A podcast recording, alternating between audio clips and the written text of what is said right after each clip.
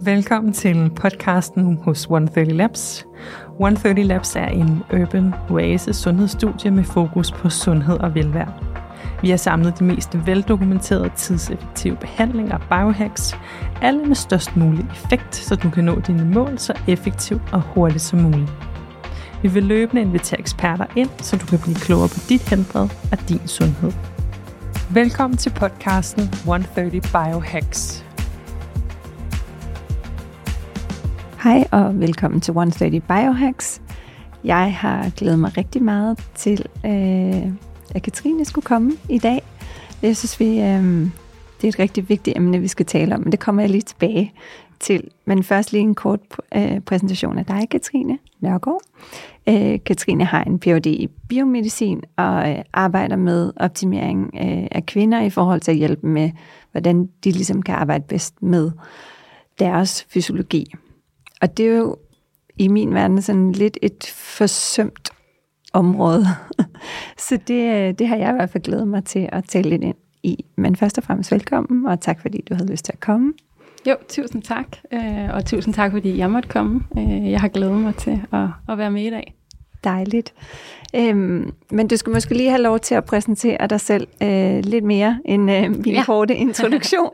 øh, så hvis du har lyst til at fortælle lidt om din baggrund og ja, hvordan du endte her. Ja, det kan du tro. Øh, jamen altså, helt formelt, så, så har jeg jo en Ph.D. i biomedicin.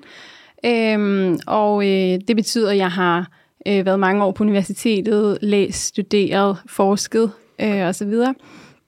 Og, øhm, og i løbet af mit studie, der øh, lærte jeg rigtig meget om kroppen. Hvordan fungerer kroppen? Øhm, hvordan fungerer den normalt? Og det er helt ned til, hvad sker der i de forskellige organer? Øh, hvad sker der inde i de forskellige celler? Og også helt ned på, på kemisk niveau. Hvad sker der med signalering mellem cellerne osv.? Øhm, vi havde om sygdomme, øh, alle de forskellige sygdomme. Hvad sker der her? Hvad går der galt? Så havde vi farmakologi, altså medicinen. Øhm, hvad har vi af medicin mod de forskellige sygdomme? Hvordan virker de? Øh, hvad binder de til receptorer? Hvad sker der så inde i cellen, øh, som, som sætter gang i nogle, nogle signaleringsveje, øh, som, som hjælper med at gøre et eller andet i forhold til den her sygdom. Øh, men jeg sad altid og manglede et eller andet, øh, fordi jeg tænkte, jamen, hvis vi, hvis vi kan blive syge, så må vi da også omvendt den anden vej kunne blive raske, uden at vi skal være afhængige af de her øh, kemisk producerede medicamenter. Øhm, ja, tak. Hvor, hvorfor, hvorfor, skulle, hvorfor skulle de til, altså hvorfor, hvorfor skulle vores krop ikke kunne gøre det selv? Hvorfor, hvorfor skulle vi ikke kunne give den nogle, nogle forudsætninger for det? Så jeg begyndte jo så at, at sætte mig ind i det her område selv ved siden af.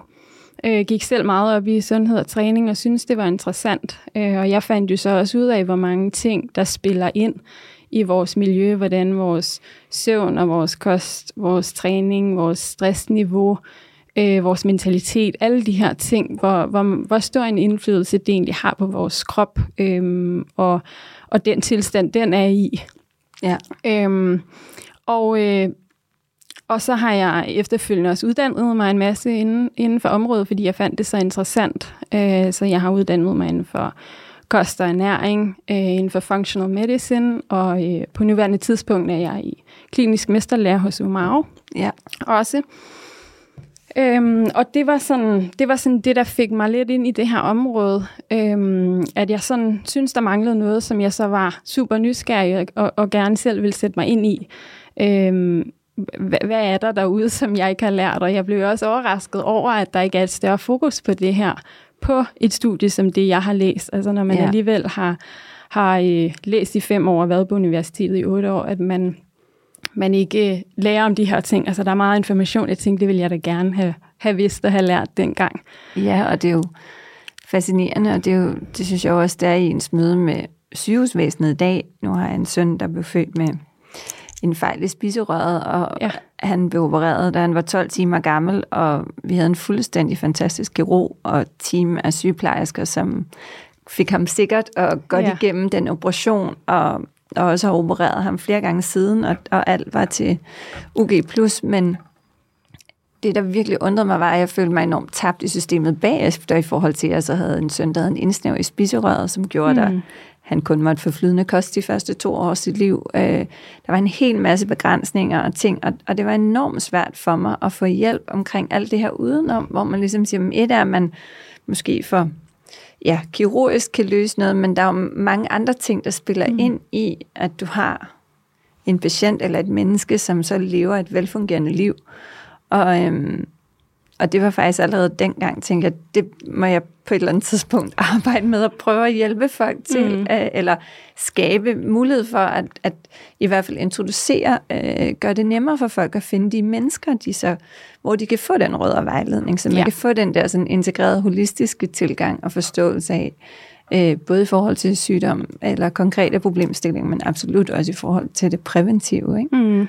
Ja, så Lige det præcis. giver så meget mening for Ja. mig i hvert fald også, det Ja. du siger, men, men også synes jeg bare enormt interessant, at det netop ikke er et fokusområde Ja, i studierne i dag. ja. Øhm, Lige præcis. Øh, Det er også det, jeg øh, er blevet ret overrasket over her efterfølgende. Mm. Øhm, og det er også øh, det, der har været med til at gøre, at jeg har startet mit firma op, Peak Forever, mm. øhm, som jeg jo har sammen med øh, min kæreste, Mads Tersbøl.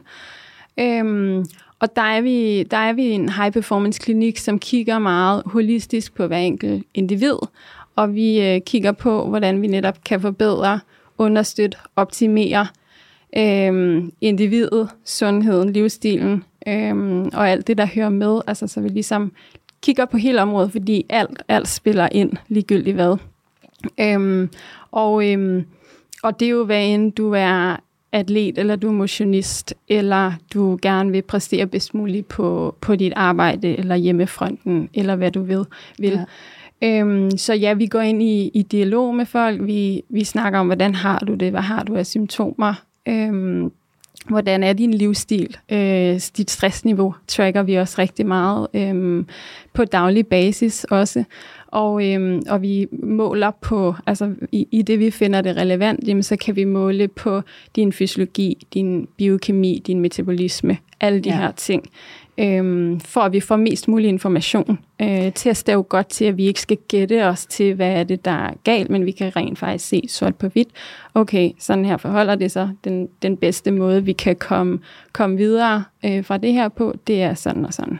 Ja, og, og det er vel også det her med at tage højde for individet og forstå, Ja, lige præcis. et at man kan generalisere, men, Ja. men hvad, hvad er dit udgangspunkt Ja. kontra mit udgangspunkt osv. Ja, Og det leder måske også lidt over til det her med fokus på den kvindelige fysiologi, fordi Ja. det er jo, nu har jeg jo selv øh, de senere år brugt sindssygt meget tid på at læse kliniske studier og øh, research inden for, for hele det her område, som selvfølgelig Ja. er fundamentet for 130. Øh, og det er jo ret fascinerende, at langt størstedelen af de studier, der er lavet på mange ting, er mm. mænd, ja, Øhm, og når man så begynder at forstå, eller allerede måske har en forståelse for, hvor stor forskel der er på den mandlige og kvindelige mm. Fysiologi, og også i forhold til vores cyk- eller kvinders cyklus mm. og så videre, at der egentlig, altså, hvad betyder det så egentlig i forhold til de her findings? Hvad betyder det i forhold Ja. til, øh, når du skal ind og optimere, eller forebygge, eller mm. helbrede, øhm, at vi bare ikke øh, er ens som ja. Mænd og kvinder.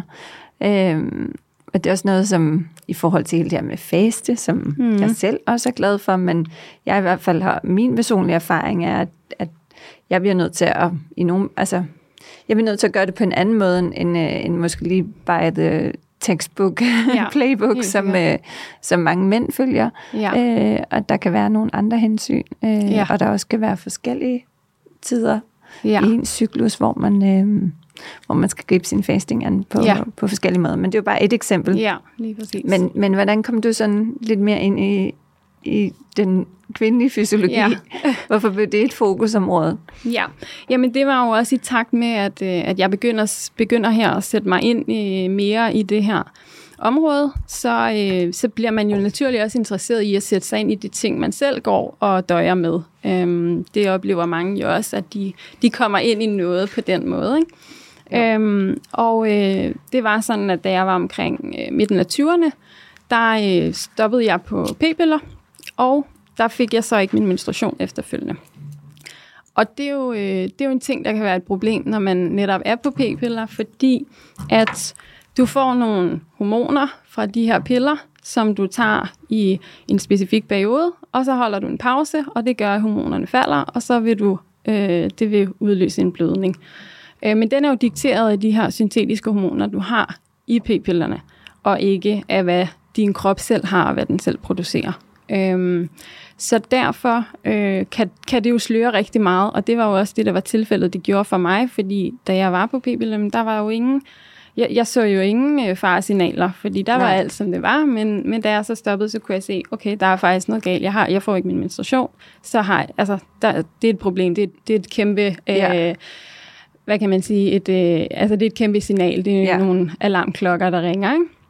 Øhm, så jeg gik jo så til lægen og fik testet, og jeg havde også rimelig lav, altså meget lav østrogen øhm, også FSH og LH, og jeg tror også, min progesteron lå i den lave ende. Øh, så jeg blev jo så testet for forskellige alvorlige ting. Var der noget der? Det var der heldigvis ikke. Så på grund af den lave østrogen blev jeg sendt til en DEXA-scanning, fordi at østrogen øh, har en indflydelse på vores knogledensitet, så, så man vil gerne se, om jeg, jeg havde lavere knogledensitet. Det havde jeg heller ikke. Så, så man testede ligesom, okay, har det forårsaget noget? Nej, det har det ikke. Øh, nå, men det vi kan gøre, det er at give dig noget østrogen. Og så tænkte jeg, jamen altså, mm. hvad, hvad hjælper det? Altså, jeg har for lidt, ja, så kan vi give mig noget, men skal vi ikke finde ud af, hvorfor jeg har for lidt? Altså, ja. min krop skulle jo gerne selv kunne producere det i de mængder, den nu skal, så der er jo et eller andet, der ikke spiller. Og det var også det, der gjorde, at jeg begyndte at sætte mig rigtig meget ind i det her område. Ja. Øhm, og synes, det var så spændende, og, og netop fandt ud af, hvordan har kosten, søvnen, dit stressniveau, øh, træningen, alle de her ting, hvad, hvad er det optimale for, for dine hormoner, og, og hvad kan jeg gøre ekstra lige i mit tilfælde, måske for at booste østrogen. Øhm, men ja, så de, de ting satte jeg mig ind i, og så, øh, så fik jeg egentlig løst mit problem selv, øh, fordi jeg, jeg begyndte at kigge ting igennem, og jeg kunne godt se, okay, der var nogle ting, som, som måske øh, kunne rettes op hos mig. Der var måske et stressniveau, der var lidt for højt. Altså, man, mm. jeg ville gerne arbejde hele tiden. Jeg vil også gerne træne, og jeg vil gerne være sammen med familien og vennerne, og altså mere... Øh, jeg manglede lidt balance i tingene måske, og ja. det tror jeg rigtig mange mennesker, eller det ved jeg rigtig mange ja. mennesker kan kende, at vi er super dårlige til bare at sidde og, og lave ingenting, eller meditere for eksempel. Ja. Øhm, der skal hele tiden ske noget, vi skal hele tiden stimuleres. Ja. Øhm, og jeg ville også gerne, jeg var super morgenmenneske, så jeg arbejdede bedst om morgenen, jeg trænede bedst om morgenen, det vil sige, at jeg skulle super tidligt op for at gøre ja. det hele i morgentidsrummet gik så også rigtig tidligt i seng, men altså, jeg kunne godt mærke, at min søvnkvalitet var ikke optimal øh, heller. Øh, jeg kørte også al min træning uden morgenmad. Altså, jeg stod ja. bare op, og mit træningstøj lå ude i stuen, så det var det første, jeg tog på, og så ud af døren. Og det var ligegyldigt, hvor hård træning, hvor lang træning, altså alt var uden. Jo, jeg fik lige lidt vand og måske ja. en halv kop kaffe, kunne jeg også ja. Men det er jo også enormt stressende for kroppen. Ja. Øhm, at gøre det på den måde. Så, øh, så der var sådan flere områder, jeg tænkte. Øh, også balancen mellem øh, træning og kost. Jeg levede meget i mine vaner og rutiner. Jeg spiste det samme hver dag, øh, nærmest samme tidspunkter. Altså det mm. hele kørte sådan lidt.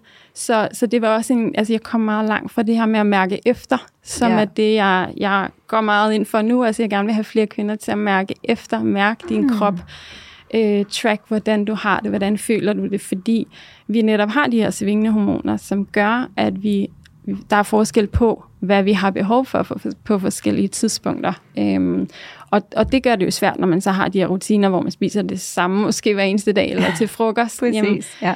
Mærker du efter, om har du brug for mere, eller har du brug for mindre, eller altså, ja. Jamen, jeg har, altså, nævnte jeg faste før, det er blandt andet en af de ting, jeg ja. er meget sådan ops på. Jeg lytter efter, så hvis ja. jeg har brug for morgenmad, så spiser jeg morgenmad. Ja. Og så er der dage, hvor jeg ikke øh, føler, at jeg har brug for det, og så faster jeg. Men ja. jeg, jeg har aldrig planlagt det, og Nej. jeg forser det ikke. Så det er ikke noget med, at jeg står og slår mig selv oven i hovedet, fordi at nu skulle jeg have fastet øh, mm. i dag øh, tirsdag, men øh, ja. Min krop vil noget andet. Ja, præcis. så jeg tror, det er meget spot on, det her med at lytte ja, og mærke efter. Øh, men problemet er selvfølgelig også for mange, at de måske de faktisk lige først skal lære at mærke efter og lytte, ja. og ikke øh, er i, en- i en tilstand, hvor det egentlig kom- forekommer nemt at, Ja. at gøre det. Ja, helt sikkert. Øhm, og der vil jeg jo klart anbefale, at man netop begynder at, at tracke. Øhm, og øh, altså, man må endelig skrive til mig, så har jeg selv lavet et tracking-schema, som mm. jeg også selv bruger, som jeg bruger på mine klienter, øh, som jeg meget gerne vil dele ud hvor man netop altså meget overskueligt kan krydse af, og så har jeg også listet op, hvad der er, normale, øh, hvad, hvad, hvad er normalt, at du kan opleve øh, appetit, øh, jeg er frisk i dag, jeg er træt i dag, dit stressniveau, sådan nogle ting krydse Ja. af. Øhm, Og det er en tracking i forhold til en, altså ens hormonelle cyklus? Eller ja, hvad? ja, præcis. Øhm, så du starter med at tracke første dag i din øh, cyklus, så det vil sige den første dag, du begynder at bløde. Ja. Og så tracker du den første cyklus, det er jo så indtil øh, dagen inden din næste blødning. Mm. Så er den cyklus Ja. slut. Øh, og der tracker du bare hver dag, og så er det et afkrydsningsskema, hvor du krydser af, hvordan du har det inden for de forskellige områder. Ja. Um, og det gør du så i, jeg vil anbefale, at man i hvert fald gør det tre cykluser. Ja. Øh, fordi at en ting er, at, at vi individer er forskellige, men for enkelt individ er der også forskel fra cyklus til cyklus. Øhm, så derfor kan man jo ikke bare tage en og så sige, sådan her er det altid. Øhm, og derfor, øh, jamen, når man så har øh, de her cyk- cykluser, øh, som man har tracket, jamen, så kan man begynde at kigge efter nogle mønstre. Er der nogle ting, som går igen fra den Ja. ene til den anden? Øhm, og så vil man typisk begynde at, at netop opleve nogle mønstre og se, okay, øh, der er faktisk noget her. Det kunne være, øh, jeg havde en klient, som, som typisk havde hovedpine omkring dag øh, 13, 14, 15. Om det Ja. var så lige omkring ægløsning. Eller det, jeg tror, det lå lidt senere, men hendes cyklus var så lidt længere. Øhm, men altså, hvor det var sådan rimelig Ja. meget i, i hver cyklus. Okay, men så, så kan man ligesom, altså ja, så, så ved hun ligesom, okay, der er hovedpine her, som er forårsaget af øh, nogle hormonændringer. Ja, ja og, og så kan man så begynde at gøre noget ved det efterfølgende, Ja. tænker jeg. Ja. Fordi jeg, jeg begyndte faktisk at få de her øh, migrænehovedpiner omkring min cyklus, ja. efter jeg havde født. Aldrig haft det tidligere. Nej. Og det var, kunne jeg så også forstå noget hormonelt, men igen, Ja. hvis du så kigger på det klassiske sundhedsvæsen, jamen så får man at vide, så kan du få en hormonspiral og nogle p-piller, og så Mm. er det fikset. Og det er det også, men Ja. er det downside af Ja.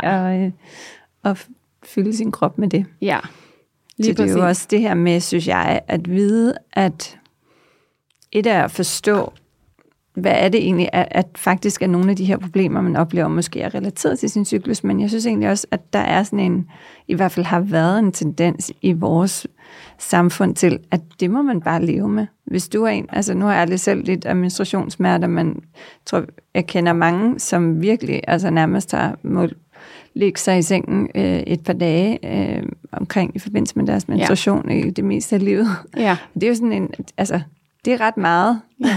på et Ja. liv. Tænk, at- skal man virkelig acceptere det? Skal man leve med det? ja, Øh, eller er der andre ting? Skal man leve med migrænehovedpiner, Ja. hovedpiner, eller det kan også være eksem, eller alle Ja. mulige andre ting, der er hormonelt stil. Ja. Altså, Netop. Ja, og, og det er jo, og det er også det, at det er blevet sådan lidt normalt. Altså, der er mange, der tror, at det er en del af det at være kvinde, at vi skal, vi skal have de her symptomer. Nå, men nu har du menstruation, jamen så, så skal du også, øh, så har du humørsvingninger. Det er jo også noget, man laver lidt sjov med, ikke? og du er nok øh, øh, der på måneden. Og sådan, Ja. ikke? Altså, det, det er det jo blevet til, så på, så på den måde bliver det jo talt om, som om det også er, er helt almindeligt, og det, det er bare sådan, det er at være kvinde. At øhm, ja, når du har din menstruation og din cyklus, jamen, så, så har du de her hormonsvingninger, og det påvirker dit humør og din energi, og om du øh, er nødt til at ligge i sengen i nogle dage, fordi du har så kraftige smerter. ja. Øhm, ja, Men det behøver vi ikke. det behøver vi ikke, nej.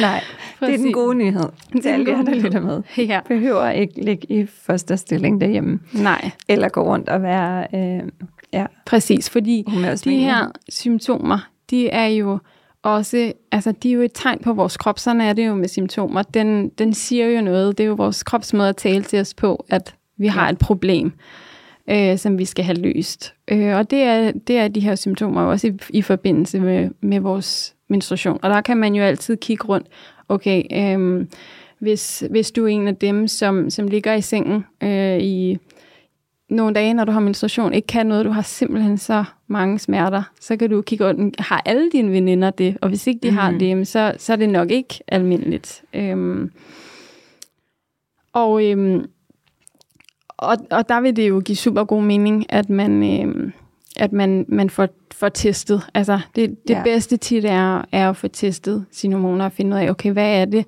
som er problemet? Øh, fordi det er det, der gør, at at vi, vi ved specifikt, altså vi har et endnu større billede af, hvordan ser hele billedet ud. Og er det fordi, så typisk, altså nu spørger ja. jeg bare, men er det så typisk, fordi man har for lidt af noget hormon, eller altså at, at man mangler nogen, altså er det det, der gør, at man får de her forstærkede symptomer, eller hvad sådan, ja, hvordan identificerer man, øh, ja. man ligesom årsagen? Ja, altså så, så man, kan, man kan ofte godt sige, øh, en del ud fra symptomer. Ja. Øhm, så, så, så hvis man kommer til mig, og jeg har snakket med en, så vil jeg jo altid spørge ind til alle symptomerne. Jeg skal vide det hele. Jo mere jeg ved, jo mere kan jeg øh, danne mig et billede i hovedet af, ja. hvordan ser det egentlig ud hos dig. Øhm, ja. Og så kan vi allerede i gang sætte nogle ting. Og det kan også godt være, at man ikke er interesseret i, at vi tester noget igennem øhm, til at starte med. Øh, og det er selvfølgelig helt fint. Øhm, det er bare, altså, det er noget, man ligesom også kan bruge til at understøtte, at okay, vi ved endnu mere specifikt. Fordi for eksempel, hvis vi har øh, kraftige, smertefulde menstruationer, det kunne have noget at gøre med, at du har for meget østrogen, for eksempel. Mm-hmm. Øhm, og, og, og det kan vi jo så godt øh, prøve ligesom at, at behandle uden at vide noget, men, men det kan også være en rigtig god idé at vide, jamen, hvorfor har vi så for meget? Hvordan, hvordan ser din produktion ud? Hvordan ser din øh, metabolisering, altså hvordan, hvordan bliver det omsat og brugt i kroppen, og hvor, det, mm. hvor, hvor god er kroppen til at skille sig af med østrogenen igen?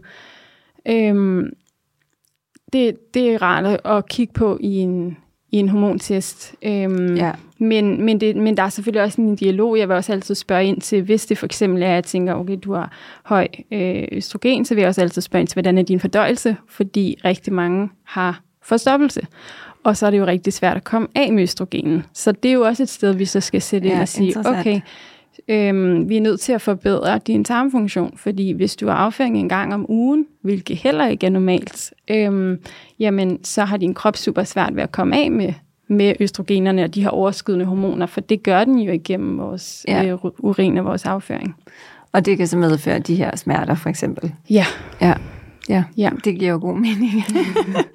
men, men jeg synes igen, det her, øh, det rigtig vigtige budskab i det, er jo det her med, men man behøver ikke have det sådan. Nej. Og selvom det på en eller anden måde er blevet normalt, at Nå, jamen, du må bare dele med dine uh, menstruationssmerter, eller ja. dine, ja, dine humørsvingninger, eller hvad det nu er. Øh, men det behøver ikke være sådan, og vi behøver Nej. ikke være underlagt det på den måde. Det handler om at forstå det, mm. og, øhm, og så arbejde med det, øh, og finde ud af, hvordan man kan regulere, hvis der er nogle ubalancer, for det er vel i bund og grund det, det er. Det ja. er nogle hormonelle ubalancer, ja. som, som skaber de her forstærkede symptomer. Ja, lige præcis. Uh, ubalancer i hormonerne, øh, og dem kan vi jo gå ind og kigge på med, med kosten øh, og med din øh, træning. Øh, ja. Træner du ikke nok, jamen så, så har altså, træning er også godt for dine hormoner, så det skal vi også sørge for, men det skal selvfølgelig også være den rette mængde, den rette intensitet. Altså hverken for lidt for meget, det må ikke være for lidt hele tiden, det må heller ikke være for hårdt hele tiden. Øhm, og vi skal kigge på din søvn. Altså, så, så det er jo mange af de her livsstilsfaktorer, øh, ja. som, som hele tiden går igen, øh, ja. som vi kan kigge på. Og der er kosttilskud, som kan hjælpe og støtte rigtig meget øh, i forhold til, hvad end du har af, af cyklussymptomer, om det var kraftige menstruationer eller øh, PMS. Ja, det er jo meget fascinerende, for det er næsten lige ligegyldigt hvilken vinkel eller hvilket emne, så kommer det sidste ende, så kommer det helt jo ned til de her ja sådan basale parametre, ja. søvn, kost, bevægelse. Ja, lige præcis. Ikke? Miljø ja. og så videre, mindset. Ja. Øhm, ja. Men det gode i det er jo, at igen, vi kan rent faktisk gøre noget, vi ja. har, og vi har alle en, øh, en mulighed for at tage ansvar for vores krop og vores og hvordan vi føler og har det. Ja. Øh, også selvom vi oplever noget, der måske er øh, for eksempel menstruationssmerter eller andre ting, som er voldsommere end, øh, ja. end normalen, så at sige. Ja, Lige præcis. Men, men et af, så kan man sige i forhold til, nu har vi snakket meget om menstruationscyklus og ja. de problemer, der kan være omkring det. Ja. Men, men hvordan kan det ellers impacte det her med altså forståelsen for, hvad sker der igennem den kvindelige cyklus, og hvordan påvirker det for eksempel, øh, hvordan vi skal træne, eller mm. faste, eller vores det, altså sådan nogle ting. Øh, Ja. Ja, ja. så vi har, øhm, hvis, vi, hvis jeg sådan lige overordnet skal gennemgå mm. menstruationscyklusen, så vi lige alle sammen er sikre på, at folk er med, Ja. altså på, hom- på hormonudsvingningerne. Ja. Øhm, så har vi jo som sagt første dag i cyklusen, som er første blødningsdag. Øhm, og øh, så har vi cirka midtvejs igennem. Øh, så hvis vi tager et tekstbogseksempel, så vil man sige, at en menstruationscyklus er 28 dage. Øh, det er jo slet ikke tilfældet for alle, men det er sådan teoribogen siger. Ja. Øhm, og øh, midtvejs igennem, omkring dag 14, der har vi øh, ægløsningen sådan i det interval der omkring. Og så øh, dag 28 er jo så sidste dag inden næste menstruation. Og øhm, der har vi øh, første fase, som vil være de, øhm, øh, de hvad hedder det, to uger inden din ægløsning. Øh, den kalder man follikulærfasen. og så har vi den efterfølgende fase, som er lutealfasen. Og der har vi i starten af cyklusen, det er jo så der, vi har vores menstruation, der er vores hormoner rigtig lave, østrogen og progesteron. Ja. Og så har vi østrogen, som stiger øh, frem mod ægløsningen, og så falder den drastisk igen. Og så over i lutealfasen, som var den sidste fase, der begynder øh, progesteron efter øh, ægløsningen, der begynder den at stige og topper sådan i, i midten af fasen, og så falder den ned igen. Og det samme gør østrogen egentlig. Øh, den steg jo ved ægløsningen og faldt, og så stiger den også igen og topper samtidig med progesteron. Men, men det er progesteron, der er højst i den sidste del, hvor ja. i første del er progesteron meget lav, og øh, det er østrogen også i starten, og så stiger den øh, mod ægløsningen. Så når vi skal kigge på, hvis vi tager for eksempel træning, øh, hvad vi skal gøre, så er det jo også vigtigt at kigge på, hvordan, øh, altså hvad er det for nogle hormoner, der påvirker? Fordi, Ja, og måske hvis du lige vil forklare, hvad er det egentlig østrogen og progesteron ligesom stimulerer, eller hvad, hvad gør de? kan man sige det sådan? Øh, bare for sådan lige, at alle forstår, hvad, hvad funktionen af dem er. Ja, øh, ja altså, så, så, øh, så, så, hvad hedder det, øh, østrogen var jo det her hormon, som stiger og Ja. får, får vores øh, æg til at og, øh, frigive sig, øh, og altså får ægløsningen til at finde sted. Mm. Øhm, og så har vi progesteronen, som stiger efterfølgende sammen med, med østrogenen, hvor vi ligesom får, får bygget den her hinde op inde i livmoderen, som er den, der skal beskytte ægget. Ja, okay. Øhm, og når, øh, når ægget så ikke bliver befrugtet eller er befrugtet, jamen så skal hinden jo så ikke bruges alligevel, og så er det, at øh, hormonerne falder, og så vil, vil hinden ligesom blive udskilt i form af en blødning. Så det er ligesom derfor, at altså, Ja. det kører på den måde hele cyklusen igennem. Øhm, men så er det jo selvfølgelig, at vi, vi er forskellige i form af, at nogen har længere cyklus, nogen har kortere, øh, nogen har lav af det ene, høj af det andet. Mm. Så, så det er jo igen selvfølgelig en tekstbog, øhm, Ja. ja. men, men vi er alle sammen individuelle, og, og, og derfor kan vi ikke forvente, at det ser fuldstændig sådan ud for os alle sammen. Øh, men det er sådan i grove træk, sådan øh, hormonerne svinger igennem vores menstruationscyklus. Og, øhm, og der, øhm, der kan vi jo så kigge på for eksempel øh, første halvdel af vores cyklus. Øhm, så her er vores hormoner lave. Og øhm, det er sådan set godt for vores, altså vi er mere, øh, vi kan bedre tage imod stress, vi kan bedre tage imod stress for vores træning, vi kan bedre Ja. adaptere til vores træning øh, i denne her periode. Vores restitution er også bedre her. Øhm, og, øhm, og vi har øh, frem mod, at østrogen stiger. Øh, østrogen er anabols, det vil sige, det er et opbyggende hormon. Øhm, så, øhm, så, og det er også sådan et energiboostende hormon. Altså vi har mere drive, mm. når vi Ja. har det her østrogen.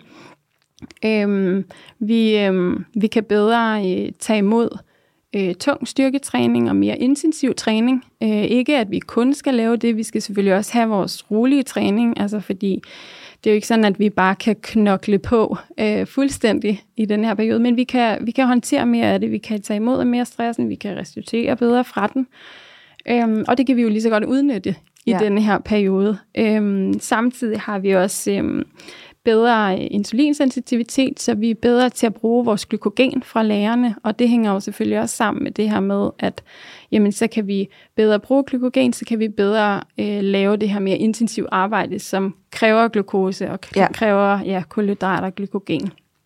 Er det så også derfor, mange har ekstra cravings øh, i starten af deres cyklus, eller Øhm, er det, er det, og, og kan man generalisere det, eller er det bare også en, en øh, et eller andet, øh, man føler øh, norm, man voksede op med, at øh, der måtte godt spises mere chokolade, når der øh. var menstruation, eller ja, ligesom, altså, at øh, der var Man kan sige, hvis du, hvis du fø, altså hvis, hvis man har mere energi i den her fase, og man derved kører mere i et eller andet drive, eller man træner mere intensivt, så vil man jo også automatisk have brug for flere ja. kulhydrater. Så på den måde kan det hænge sammen.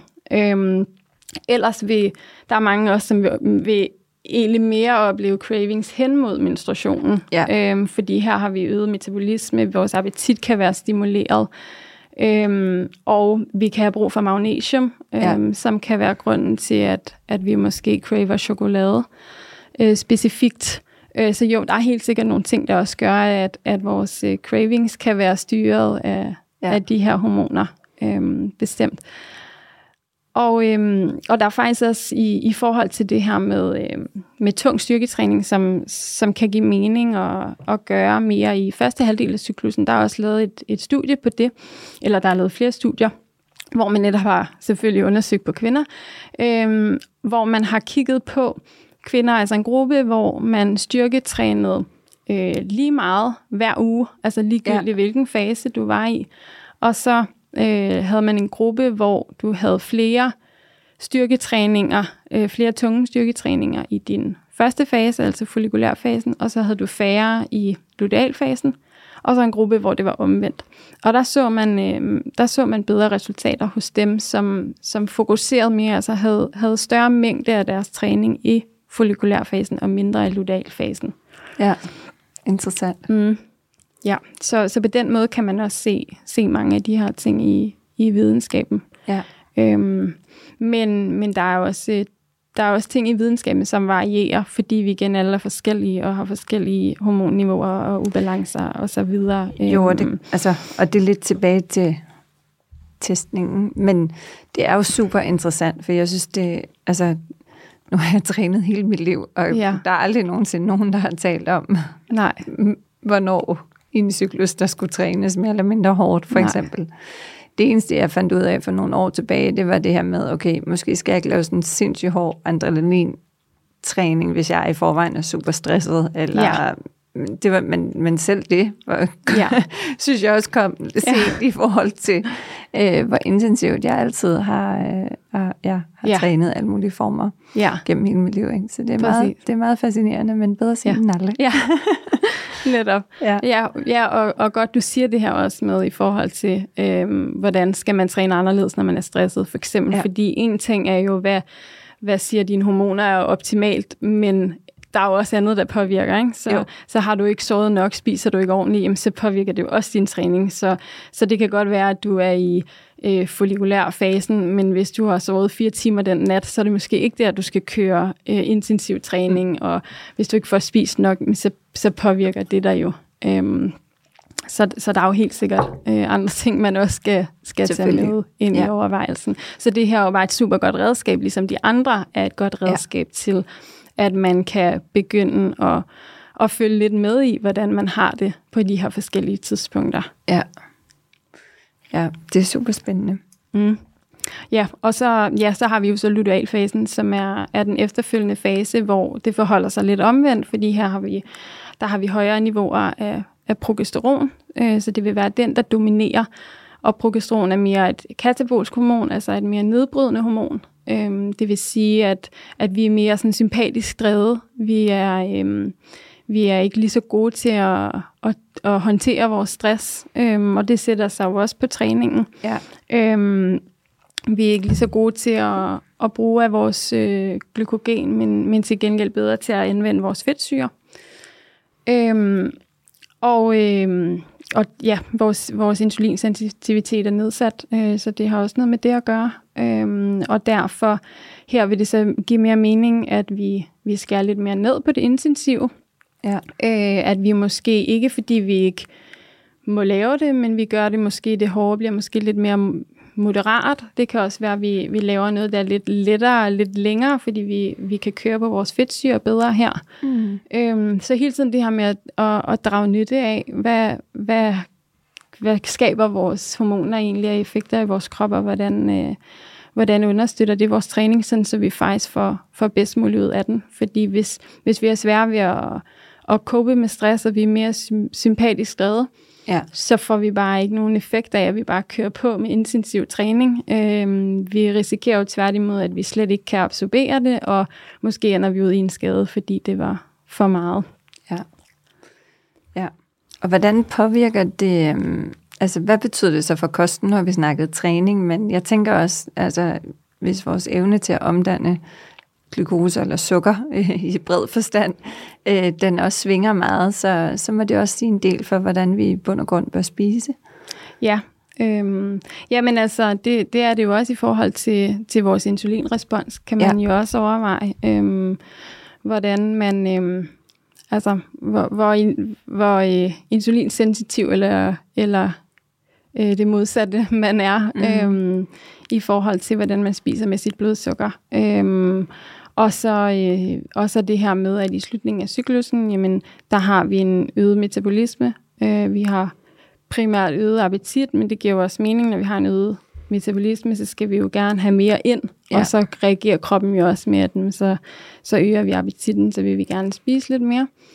Øhm, og det skal man jo selvfølgelig også lytte efter, og det er jo også det, hvis man, man lever meget på sine rutiner igen, jeg spiser det samme hver dag, så får man måske ikke nok i slutningen af fasen, og så er man i forvejen øhm, måske lidt træt i forhold til, hvordan, hvordan ens hormonelle niveau er, og det bliver man jo så også mere, hvis man ikke forsyner sig ordentligt. Ja, øhm, så det kan faktisk øge, at man for eksempel føler, at man har mindre energi og mere træt. Ja, ja. ja. Lige præcis. Øh, og nu snakker du selv om, om faste, ja. og øh, der, der, vil være, altså, der vil folk opleve, at i starten af cyklusen, der er det klart nemmest ja. at faste. Øhm, og, øhm, ja, og det vil også være, være her, at, at det, det vil give, altså fordi faste er jo også et stress, og det, ja, og det øgede stress har du også i slutningen af din cyklus, så, så, så der kan det jo også hurtigt blive alt for meget. Ja. Øhm, ja. Og hvad sker der så? Fordi det er måske også det interessante at sige, mm, hvad er det så, der sker, hvis vi overstresser vores krop? Hvis vi enten øh, ikke giver den det mad, den, altså for eksempel faster, når den mm. egentlig har allermest ja. brug for. Altså et af det selvfølgelig øh, påvirker vores energi, men, men hvad kan det ellers også gøre? For jeg oplever også, og vi oplever rigtig mange af vores kunder, har store problemer med for eksempel vægttab. Mm. Og de kan ikke forstå, at hvis de nu har skåret øh, lever af en eller anden 12-1500 kalorier diæt og bevæger sig eller får dyrket, trænet hver dag, hvorfor hvorfor taber de sig så ikke, som de ja. skal? Og det, øh, det vi kan se, bare det, at de kvæg mange af vores behandlinger, der hjælper med at stimulere ens øh, mm. hormonbalance.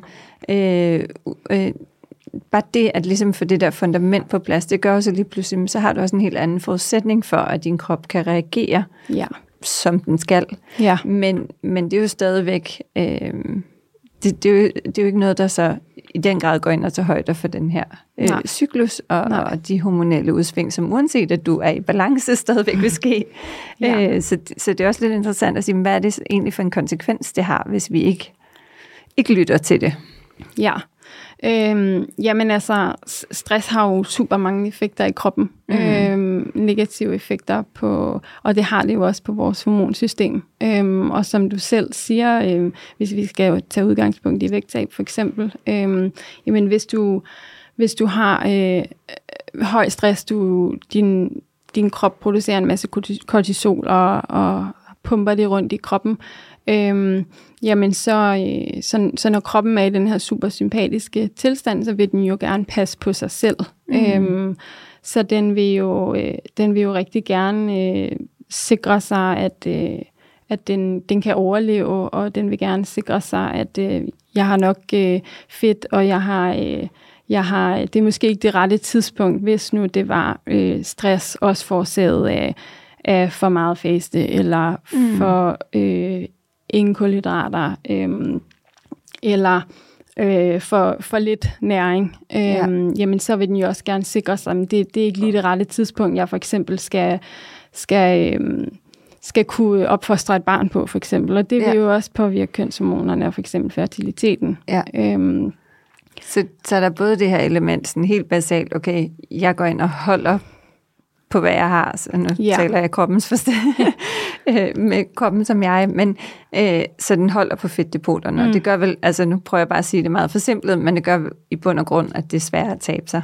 Ja. Så selvom at du har, hvis du ud fra en kalorieregnskab, øh, men igen, det er også en, håber jeg snart, vi efterhånden har fået sat fokus på, en, en, ikke en, en helt så enkel måde at kigge på et, et vægttab på. Der er mange flere ting, der spiller ind, men, men i forhold til ja. kalorieregnskabet, så, så kan du faktisk godt have et negativt kalorieregnskab, og du, uden at tabe dig, fordi kroppen simpelthen holder fast. Den er for stresset. Øh, så den holder fast, fast på fedtdepoterne, selvom du spiser mindre. Ja, i hvert fald nogle steder kan, ja. den, kan den jo godt... Øh godt specifikke steder at holde fast på det, ja. øh, for at beskytte. Øh, den vil jo særlig gerne beskytte øh, vores organer, ja. så den vil jo gerne holde på også noget fedt derinde omkring. Ja. Øh, på maven, for eksempel. Ja. Øh, men det er jo også interessant, for jeg tror ikke, altså, og mange kvinder er sikkert ikke klar over netop det her, ja, det faktisk også kan påvirke ens fertilitet mm. og øh, evne til at blive gravid, ja. hvis kroppen er for stresset. Ja. Eller at vi stresser den bevidst eller ubevidst ja. på de forkerte tidspunkter. Ja, lige præcis, fordi det jo påvirker hormonerne. Ja. Øhm, og øh, hvis, ikke, øh, hvis ikke vi kan have en ægløsning, jamen, så kan vi for eksempel ikke blive gravide. Mm. Øhm, så det er, jo, det er jo en nødvendig proces for det. Øhm, ja. så, så jo, helt bestemt øhm, kan det det. Og det vil også... Øh hvad, altså, ja, derudover oplever mange vel også, at det går ind og påvirker for eksempel søvn. Mm. Øhm, det kan påvirke ens hud, øh, at, at de her ubalancer eller for meget stress ligesom sætter sig negativt andre mm. steder i kroppen. Ikke? Jo. Jo, helt sikkert, øhm, fordi vores søvn er jo super påvirket og kontrolleret af vores kortisolniveau, og hvordan det mønster er ud over dagen. Øhm, så, så har vi... Øh, har vi for meget kortisol, det kan også være, det, det skal jo gerne, kortisol skal jo gerne falde om aftenen. Gør det ikke det, jamen så, er det jo, så er det jo klart nok, at man, man har svært ved at falde i søvn. Øh, fordi hvis, du ikke, hvis din kortisol ikke falder, jamen, så får du heller ikke frigivet lige så meget af dit søvnhormon melatonin. Øh, og ja, så vil det påvirke din søvn. Ja. Øh, ja. Ja, så der er, Ja, der er mange, der ja. er mange steder, det går ind og har en effekt. Helt sikkert. Øhm, ja, og det hele er jo et komplekst system, som, ja. som fuldstændig spiller sammen. Øhm, og, og det er jo også det, der gør, at man ikke alene og kun kan kigge på hormonerne. Man kan jo ikke bare sige, okay, hormonerne har indflydelse på alt. Øhm, der er også der er også alle de andre ting, og det er derfor, man jo, øhm, som du også gør, nødt til at gå ind og kigge holistisk på, ja. på det hele, hele helheden. Præcis. Og de systemer, der spiller sammen. Ja. Det er super spændende, og tusind tak for, øh, fordi jeg, altså, selvom vi selvfølgelig kun lige riser i overfladen, ja. så håber jeg i hvert fald, at der er nogle af jer, der lytter med derude, der måske får et fornyet håb om, at øh, der er også nogle andre veje end bare at mm. acceptere øh, at man måske for eksempel lider med menstruationssmerter. Vi, nu nåede vi slet ikke at snakke om overgangsalder Nej. og øh, pre-menopause, men der er også masser. Områder, vi kan men i det hele taget bare det her med, at, øh, at det måske kan være en god idé at prøve et, at forstå lidt den her cyklus og de forskellige faser, mm. hvordan det påvirker os kvinder, men også, at der er rigtig mange muligheder for at, at gå ind og teste og mm. kigge nærmere ind i, øh, ja, hvad man så kan optimere på, så måske bliver lidt mere målrettet øh, ja. lige netop dig eller mig. Øh, ja. Men i hvert fald, øh, at vi som kvinder har nogle andre øh, parametre, vi bliver nødt til at tage med i, øh, i de her overvejelser, ja. øh, som er lidt anderledes øh, fra mændene. Ja. Lige præcis. Og hvis der er nogen derude, som, som synes, det er spændende, øhm, så øh, tilbyder jeg også for tiden øh, en, en kort gratis konsultation, hvor man egentlig øh, kan tage fat i mig, og så kan, kan vi snakke om, hvordan har du det, øh, hvad er dine problemer, hvad er dine symptomer, og så, øh, så guider jeg dig i den bedste retning. Ja. Yeah. Øh, så det skal man være meget velkommen til. Og jeg kan også, ja, vi kommer også til 130 og laver ja. samarbejde med Katrine, så netop, øh, når nogle af vores kunder oplever nogle ting, hvor vi kan se, okay, der skal måske kigges lidt dybere ind i ja. for eksempel den hormonelle ubalance, så, øh, så har vi mulighed for at bringe Katrine på banen, så det glæder jeg mig personligt sindssygt meget til. Det gør jeg øh, bestemt også. Jeg tror, der er mange derude, der kan afhjælpes for nogle, nogle gener og øh, skavanker, som, som de har accepteret, ja. men ikke behøver at have. Ja, lige præcis. Ja. Tak fordi du kom. Jamen tusind tak, fordi jeg måtte komme. Og tak fordi I lyttede med. Og husk at dele og like øh, vores podcast, så vi kan få budskabet ud til flere mennesker. Øh, og ellers så på genhør næste uge. Tak for i dag.